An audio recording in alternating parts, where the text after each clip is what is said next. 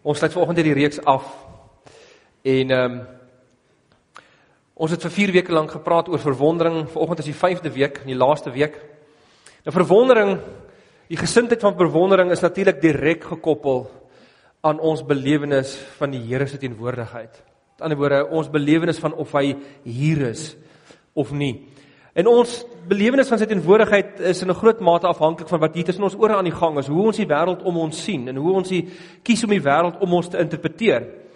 Want uh, neurowetenskap sê vir ons jy moet jou brein oefen. As jy 'n waarheid ontdek, moet jy jou brein oefen om daai ding raak te sien en dit uh, gedurig uh, op te roep in jou bewustheid sodat jy gevorm kan word in die rigting. So ons ek wil vanoggend so 'n bietjie praat oor hoe beleef ons die teenwoordigheid van die Here in ons eie lewens? En uh en en wat 'n geweldige rol dit speel in hierdie hele idee van verwondering. Maar ek wil eers op 'n ander plek begin. Ek wil eers begin by ex-ateïs uh Lee Strobel. Voordat hy tot geloof gekom het, het hy die volgende gesê oor die Christelike geloof en ek gaan daarna net daarna gaan ek dit connect met met die teenwoordigheid van God as jy wil sien hoe kom ek daarby uit. Hy sê hy het die, hy het die volgende gesê toe toe hy nog 'n ateïs was. Hy het gesê I felt like um like I stared unadorned Christianity in the face and saw it for the dinosaur it was. Why could these people not get their head out of the sand and admit the obvious? Science had put their God out of a job. Nou baie mense, die rede hoekom ek Lee Strobel, hy nie die beste voorbeeld van ateïsme nie, want hy het intussen tot geloof gekom. So hy het of van die perd afgeval of hy het op weet op op hy het 'n beter perd gekry om te ry. Ehm um, en hy is vandag 'n predikant.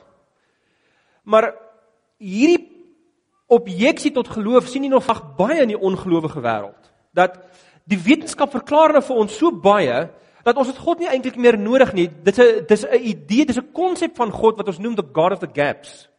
Almal praat van God of the gaps. Uh wat dit beteken is, daar was in die verlede kennisgapings geweest.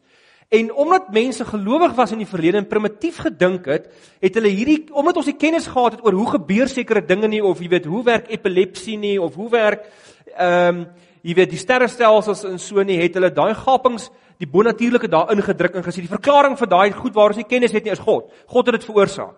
Maar soos wat kennis nou vermeerder veral van die verligtingstydperk af, ons moet terloops nie dink dat die ouens voor die verligting nie wetenskaplikes was nie. Jy ek verstom my nog steeds vir hoe ouens soos Aristoteles en Epictetus en Demokritus en 'n klomp van daai ouens gedink het voor Christus al. Ons moet nie dink hulle was stupid nie. Ehm um, baie van die idees wat ons vandag in die wetenskap ken, kom al van voor Christus af. In elk geval, hoe dit nou ook al sê, soos wat van die verligting af veral die kennis groter word en meer word, word die gapings waar God homself bevind al hoe kleiner. Soveel so dat as die wetenskap eendag meeste van die lewende dinge verklaar, dan gaan jy God uiteindelik nie meer nodig hê nie. Dis 'n siening, 'n sekere siening van God, die God van die gapings. En hierdie siening kry mense soos Lee Strobel, het, hulle kry dit baie keer by ons as gelowiges want ons praat oor God se teenwoordigheid en God se ons belewenis van God net in terme van wat ons nie kan verklaar nie. Daar waar God bonatuurlik ingryp, daar waar hy ehm um, jy weet ons 'n belewenis gee wat ons nie regtig met die verstand kan verklaar nie. sien, die Here bestaan, hy's regtig deel van my lewe. Hy bestaan regtig. Maar wat gebeur nou as as uh, die wetenskap allerlei belewennisse wat ek en jy met God het kan begin verklaar? Wat gebeur dan? Die gaping raak nou kleiner. Maar dis 'n verkeerde siening van God. Die Bybel praat nie oor 'n God van die gapings nie. Dit praat nie oor 'n God of the gaps nie. Die die wetenskap praat op 'n baie, ekskuus, die Bybel praat op 'n baie ander manier van van die Here. Die Here is nie net die Here van dit wat nie verklaar kan word nie. Hy's ook die Here van die gewone. Hy's ook die Here van die verklaarbare. Hy's ook die Here van die van, van die dinge wat ek en jy kan sien en voel en so meer. Die Christelike siening is dat God nie net in uh opvallend bonatuurlike is nie. Maar hy's absoluut net soveel teenwoordig en net soveel net so sigbaar veronderstel om te wees in die gewone. Trouwens, ons geloof moet eintlik nie streng gesproke, Bybels gesproke afhanklik wees van wat ons noem wonderwerke nie. Wonderwerke is 'n wonderlike ding. Ek glo in wonderwerke. Die Here doen wonderwerke. As 'n wonderlike akademikus kry Keener, hy het so 'n groot dubbelvolume geskryf. Hy, hy was ook eers ateïs terloops. Hy's vandag een van die grootste Bybelkommentators. Hy het omtrent 'n kommentaar op elke boek van die Nuwe Testament geskryf sedert sy bekering. Hy het nou so 'n groot dubbelvolume geskryf Miracles waar hy net data nagevors het, uh, case studies doen oor goed gedokumenteerde wonderwerke wat die wêreld vol plaas. En dis fantasties. Die Here doen wonderwerke, maar eintlik teologies, as jou geloof in wonderwerke afhanklik is, dan glo jy eintlik in 'n God of the gaps. Met ander woorde, jy glo net op in die Here op grond van dit wat jy nie kan verklaar nie waar jy glo God ingryp. Hoe dit ook al sê, ek en jy glo dat die Here teenwoordig is in die alledaagse net soveel. En in die Bybel maak die Here 'n groot en belangrike ding daarvan om dit vir soos hy vir sy mense te laat verstaan. So ons gaan vanoggend een so teks saam lees. Dit is een van die fundamentele tekste in die geskiedenis van Israel. Hulle het ehm um, ek het al baie vir hulle gesê die van die die Joodse siening van die van die Tanakh, die die hele Ou Testament was die die wet, die eerste 5 boeke van Moses die mees fundamentele en van dit was Genesis die mees fundamentele en van Genesis was Genesis 1 tot 11 die mees fundamentele. En een van die goed wat hulle uitgelig het was Genesis 28. Omdat dit vir ons die teologie gee, die grondslag vorm vir hoe die teenwoordigheid van die Here werk. So kom ons lees daai gedeelte saam. Dit gaan oor Jakob. En daar gebeur die volgende. Jakob is van Berseba af weg na Haran toe. Teen sononder het hy by 'n plek gekom waar hy kon oornag. Hy het daar 'n klip vir 'n kopkussing gebruik en gaan lê en slaap. Hy het gedroom, 'n leer staan op die aarde en die punt van die leer raak aan die hemel en die engele van God klim op en af met die leer. Toe kom staan die Here by Jakob en sê: "Ek is die Here, die God van jou voorvader Abraham, die God van Isak. Ek sal die grond waarop jy lê vir jou en jou nageslag gee. Hulle sal so baie wees soos die stof van die aarde en jy sal jou gebied na alle kante toe uitbrei en in jou en jou geslag sal die volke van die aarde geseën wees. Ek is by jou en sal jou beskerm waar jy ook al gaan. Ek sal jou na hierdie land toe terugbring. Ek sal jou nie, nie steek laat nie. Ek sal doen wat ek jou beloof het. Jakob het wakker geskrik en gesê: "Die Here is op hierdie plek." En ek het dit nie besef nie. Jakob het bang geword en gesê: "Hoe skrikwekkend is hierdie plek?"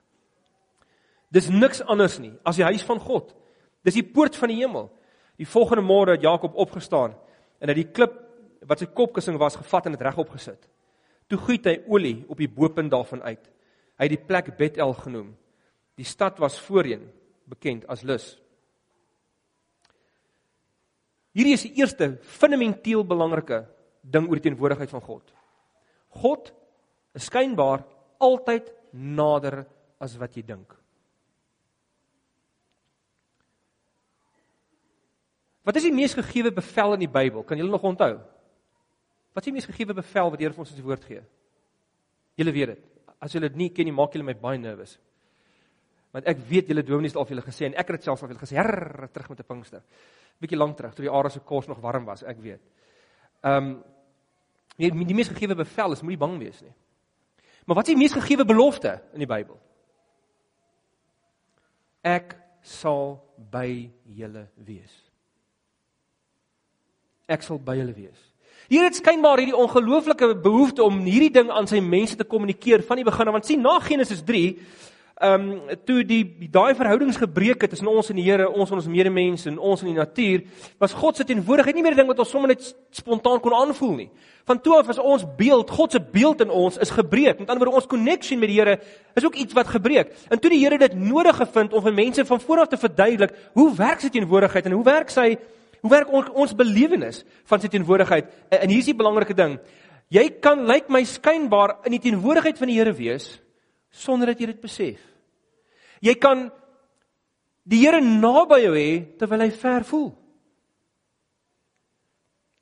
Jakob sê die Here is op hierdie plek en ek het dit nie besef nie. Hierdie gewone plek in die woestyn waar ek nie eers ordentlik kan lê nie, ek moet 'n klip gebruik om my kop neer te sit. Daar's niks spesiaal hier in heidense gebied. Um hier hier waar ek my kop neer lê, hier waar God nie veronderstel is om te werk nie. Hier by die verlate afgeleë plek. Ewe skielik staan ek op. Ek kyk na dieselfde plek. Gisteraand het ek gaan slaap, ek gedink dit is 'n gewone plek. Vanoggend staan ek op en ek dink die Here is hier. Maar ek het dit nie besef nie. Ek het dit nie geweet nie. Die Here wys vir ons reg deur sy uh woord van Genesis tot Openbaring uh, hoe teenwoordig is. Net in die boek Genesis sien ons dit al klaar. En ek wil Genesis is 'n klomp rowwe jacks. Ek wil julle het almal Genesis gelees hopelik. Hierdie hierdie ouens is regtig rof. Ek wil Kain slaan sy eie broer dood. Jy weet, dis nie lank nie dan raak die ouens so bad dat die Here 'n vloed moet stuur. Aan begin hy met Abraham heeltemal van voor af in Genesis 12. Heel eerste woorde uit Abraham se mond is 'n leuen. Hy gee sy vrou weg. Jy weet, nie 'n groot oomblik in die in die geskiedenis van manlikheid daai gewees nie. En uh net 'n entjie verder mos ek 20 doen dit dieselfde. Hy doen dit nog 'n keer, lieg hy weer 'n keer. Hy gee haar weer weg. En uh jy weet dis regtig rowwe ouens Jakob, jy weet die die woord beteken be, be, be, eh, bedrieger. Hy sê hy hy sê van die aardsvaders, hy hy sy broer bedrieg.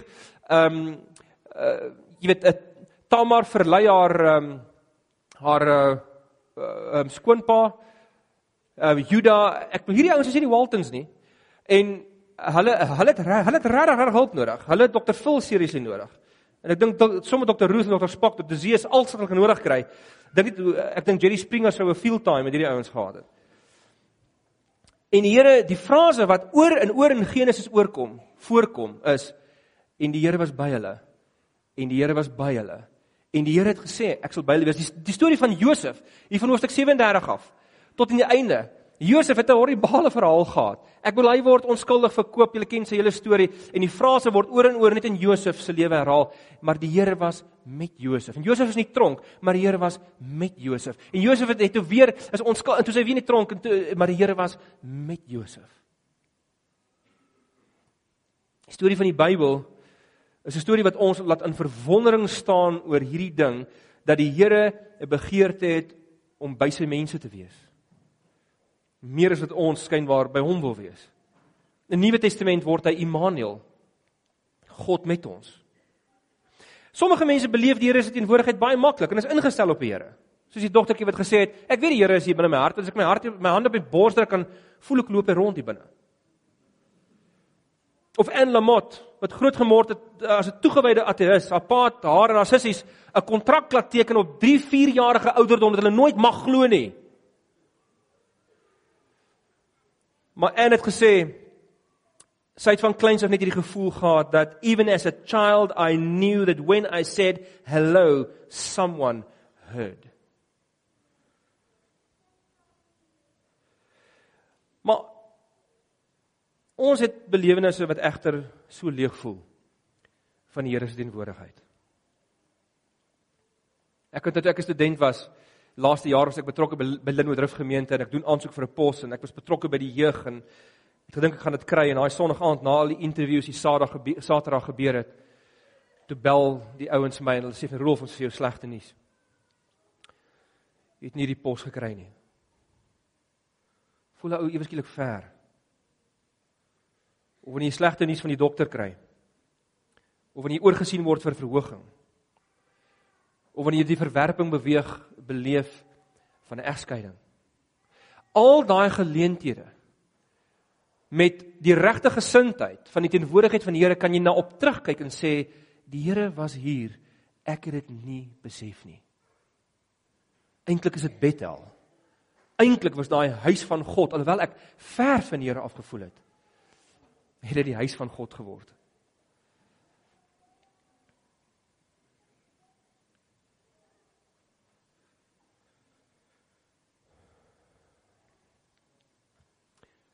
En hierdie is die boodskap wat die Here vir sy mense wil gee van die begin af. God is lyk vir my nader as wat ons dink. Toe ek 'n jong laaitie was, het my ma my entertain met allerlei interessante goed wat sy vir my gekoop het. En een van die dinge wat ek baie ek het van kleins af baie gehou van lees, maar rukkie gevat om in die lees in te kom, moet ek sê. Maar toe ek gogga my buite in standaard 4 of graad 6, toe was daar geen keer aan nie. En uh soveel soort my ouers my later gevra asseblief lees net bietjie minder, gesels bietjie met ons.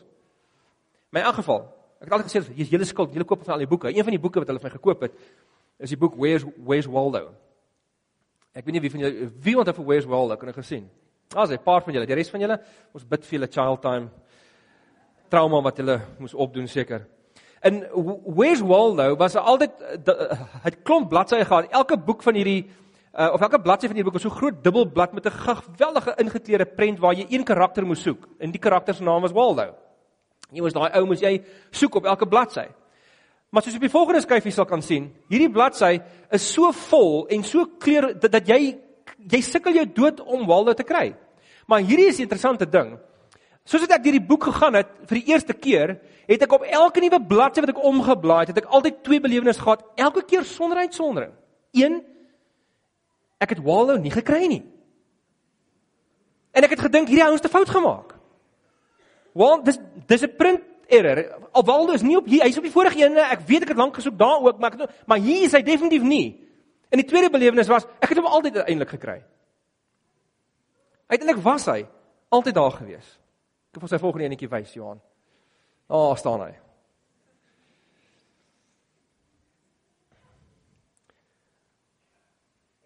Baie soos Waldo is die Here se teenwoordigheid nader as wat jy dink. Daar's so baie voorbeelde in die Bybel wat deel van die Joodse teologie gevorm het en deel van die Christen teologie geword het waaroor ek so geweldig dankbaar is dat die Here teenwoordig is in die mundane, in die gewone, in die in in sondaars en in goeie mense en in en op vreemde plekke en op oulike plekke en op heilige plekke en op onheilige plekke. Maar maar die beste teologie wat ek dink ons in die Bybel optel oor hierdie ding oor die teenwoordigheid van God is die Ester verskynsel. Die boek Ester puzzle teoloë en gelowiges al vir jare lank. Wat hier is die interessante ding oor die boek Ester. Ester, nou die van julle wat wat wat enigiets weet van kanonvorming af met ander woorde hoe die Bybel ontstaan het en hoe mense besluit het wat se Ou Testament of Nuwe Testament boeke kom in, was 'n geweldige proses altyd gewees en het altyd sekere rabbies gehad in die proses wat gesê het hierdie boek moet in, daai boek moet uit. Dit het altyd 'n paar sentrale boeke gehad wat wat niemand oor getwyfel het nie. Maar die ouens altyd gestry en uiteindelik het hulle besluit, oké, okay, onder leiding van die Here dink ons hierdie boeke moet in. Nuwe Testament selfe storie. Judas, Openbaring, eh, ehm uh, um, nie soos Jakobus nie.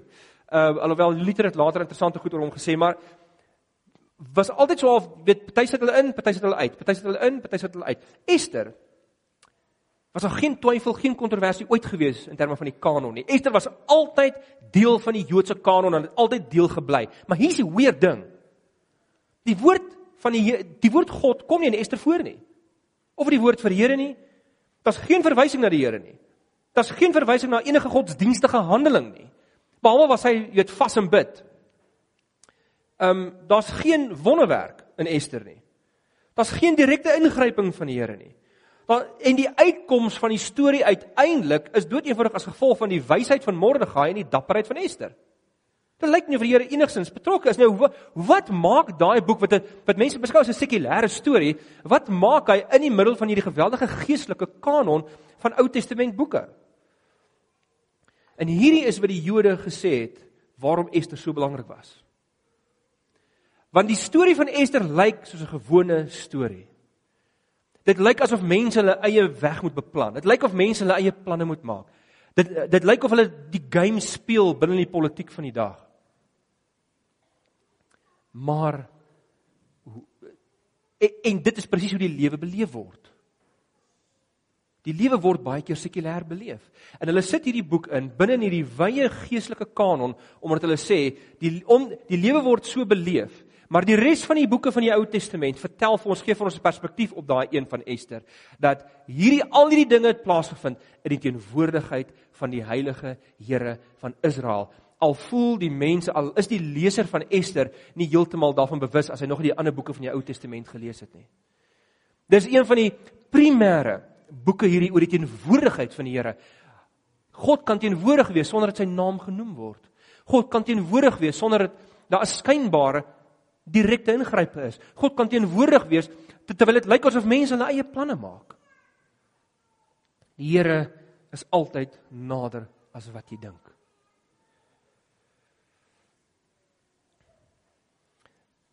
Karen Job sê oor die boek van Esther. The book of Esther may not directly mention God, yet it clearly reveals God at work. His name is not written in the book, but his fingerprints as we say are all over it.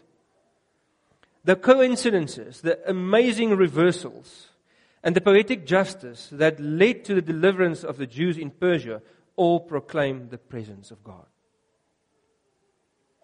Hoe sien jy die teenwoordigheid van die Here? Wens jy jy kan hom baie keer beleef net om net deur direkte ingrype. Dis goed, ons kan vra daarvoor. Die Here gryp baie keer direk in. Maar selfs al voel ons dat hy nie doen nie, die ganse lewe is 'n wonderwerk. Dis eintlik die punt van die Jode. Die ganse geskape wêreld is 'n geestelike daad van die Here. Is 'n geestelike ding wat die Here gedoen het deur die wêreld te skep en deur mense te skep wat met hom kan connect en wat 'n skepping uh daar stel wat in 'n verhouding met hom kan staan. Dit als dis eintlik die Jode se punt. Alles is geestelik. Jy kan nie God se teenwoordigheid is so omvangryk en so groot en so omvattend dat dit kan nie net afhanklik wees van 'n dingetjie wat ek hier beleef of 'n gebed wat hier verhoor word of 'n ingrype wat daar kom nie. God God is die asem wat ons inasem. Hy is oral te vind. Robert Siegel vertel hierdie ongelooflike storie, uh, um, hierdie belewenis wat hy gehad het as 'n 'n jonger persoon en uh, hierdie belewenis het so uh, het so impak op hom gehad dat hy 'n gediggie oor uiteindelik geskryf het. En hy vertel hoe hy en sy vrou op vakansie was en hulle ry altyd op vakansie ry hulle verby hierdie een bepaalde berg. Daar's 'n afdraai paadjie wat wys, jy weet, uh, ek kan nie berg se naam nie uitspreek nie. So kan nie eens probeer nie, maar hulle sê as jy hier links gaan dan kan jy daai daai berg gaan bekyk. En eendag ry hulle daar verby en hulle sê vir mekaar, "Wie, kom ons gaan kyk 'n slag net. Ons het nou baie tyd vandag op pad na ons vakansieplekkie toe. Kom ons gaan soek daai berg." En die vrou sê, "Let's do it." En hy maak 'n U-turn en hy gaan na waar die pyltjie sê Mount what what what en hy's daar in en hulle ry en hulle volg al die pyltjies en al die aanwysings, jy weet, daar's net die berg sien, draai hier regs, gaan hier links, gaan hier op, jy weet, en hulle doen al die goed. En maar hulle kry nie die berg nie. En hulle vra later vir die mense, hoe en eh, eh, almal, jy weet, sê nee, kyk, daar's nie bordjies, gaan nie daar en dan sê ons was daar en uiteindelik gaan hulle weer en hulle kom weer by iemand en die persoon sê vir hulle, "Maar julle is die hele tyd al op die berg." In die laaste woorde van sy gedig sê hy die volgende: "We are too close to see it." It is here. We are on it. It is under us. En dis hoe die dis hoe die teenwoordigheid van die Here werk. Sy teenwoordigheid is so omvangryk. Dat as jy hom net soek in klein belewennisse en jy sal hom daar natuurlik ook kry. Maar sy, maar ten tye wanneer jy voel daai klein goedjies is nie daar nie, moet jy weet sy teenwoordigheid is so omvangryk, so omvattend. Jy's te na aan hom om dit raak te sien. Jy't so groot geword met dat jy dit nie eens meer ra raak sien nie. It is here. We are on it. It is under us. Die Here is nader as wat jy dink.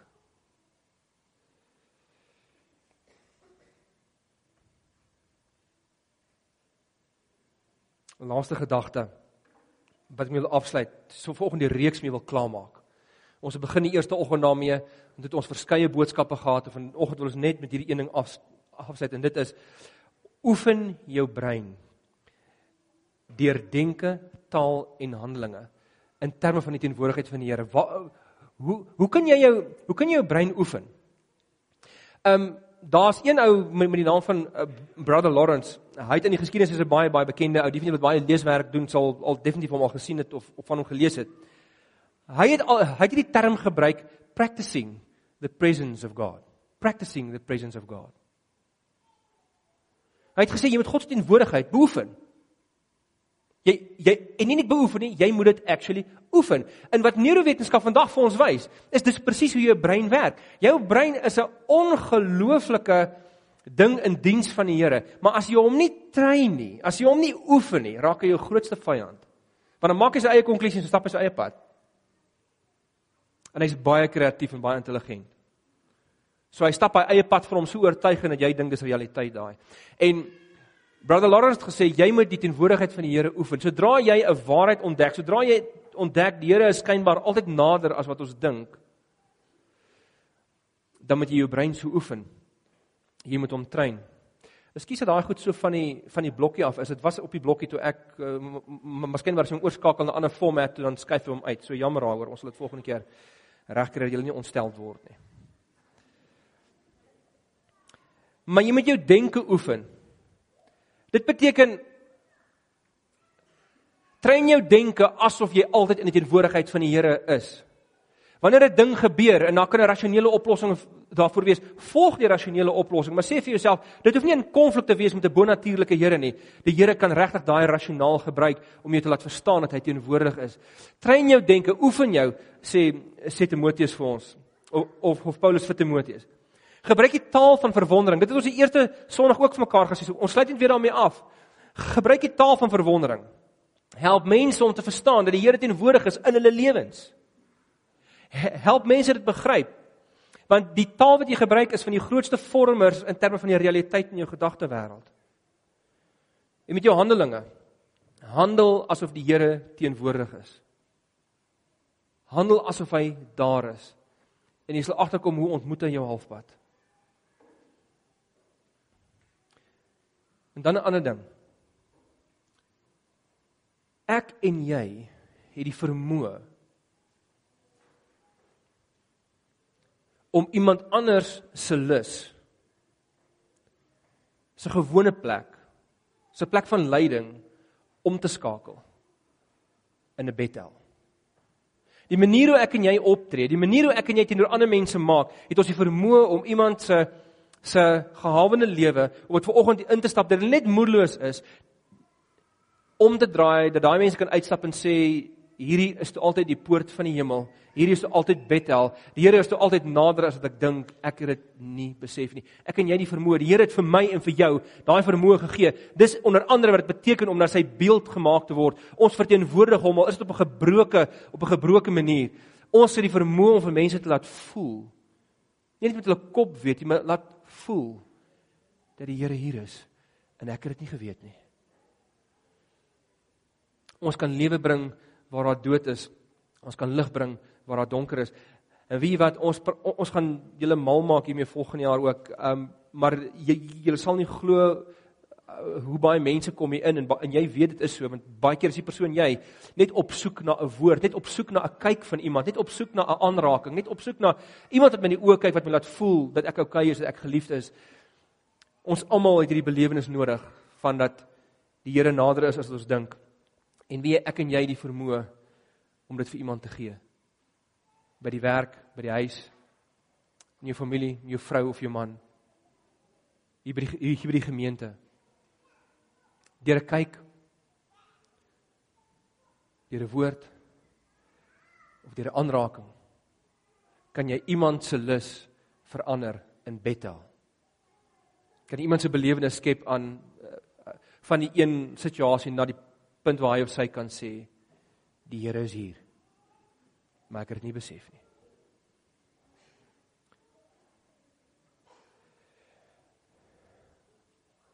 In die Nuwe Testament soos ons mekaar gesê het, is so vol hiervan van hierdie taal. Filippense 4, dan sê Paulus, verbly julle in die Here. Ek herhaal, wees bly, wees inskikkelik teenoor ander mense. Hoekom? Want die Here is naby. Psalm 23 al gaan ek deur die dal van doodskare weer ek sal geen onheil vrees nie want u is by my. Train jouself, jou denke, jou taal, jou handelinge en gebruik dit om mense se lewens te omskep in 'n plek van Bethel. Pieter van die kerk het al hierdie storie vertel, so ek hoop ek vertel hom reg.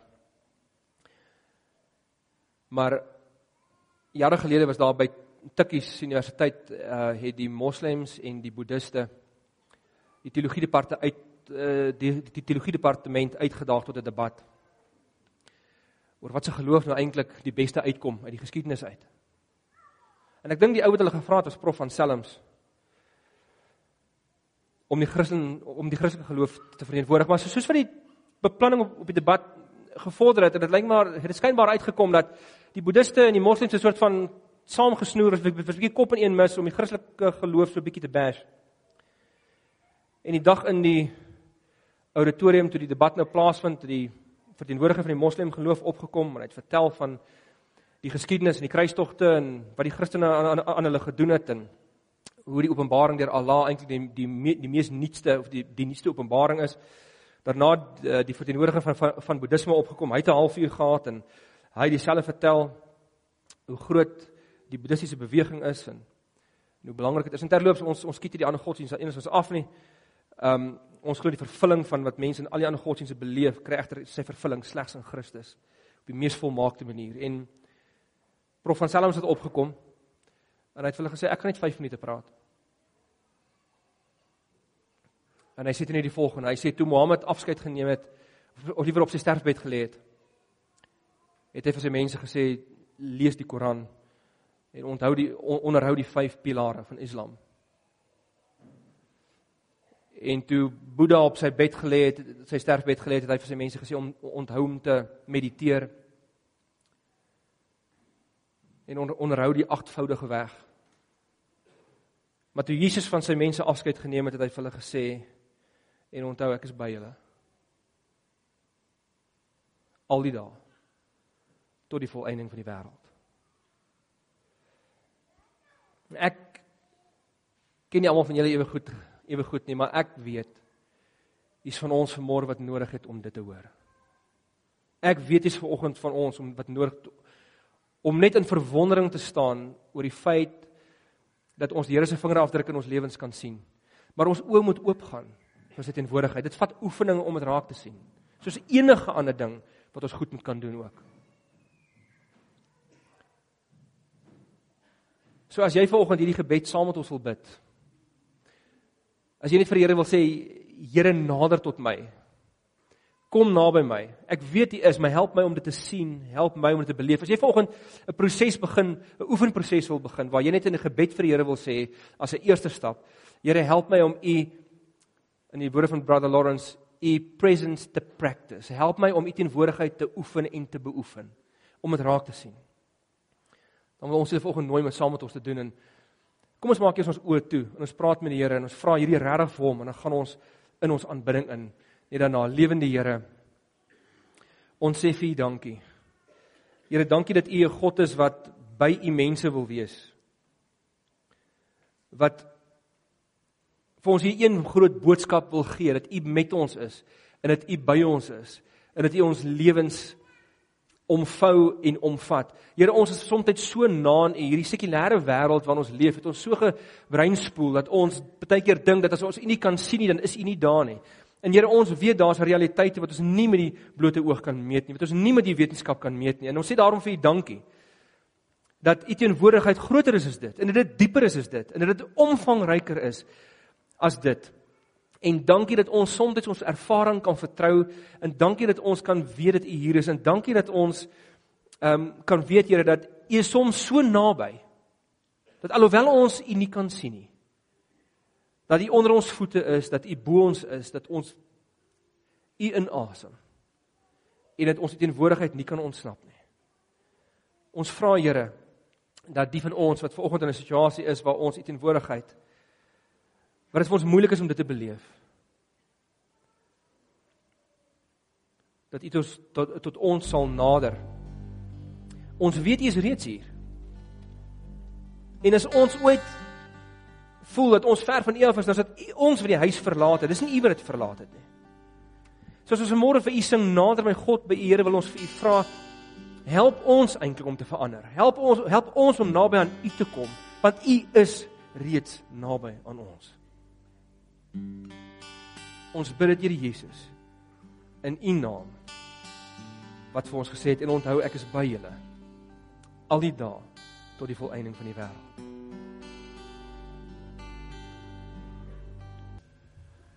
Die seën van die Here wat reg deur die Nuwe Testament uitgespreek word in die einde van elke boek is presies om die teenwoordigheid van die Here te bevestig. Dat die Here se teenwoordigheid nou by ons is, nie sal wees nie, is. So ontvang die Here se seën. Mag die genade van ons Here Jesus Christus en die liefde van God die Vader en die nabyheid van die Heilige Gees met julle wees en almal antwoord. Amen.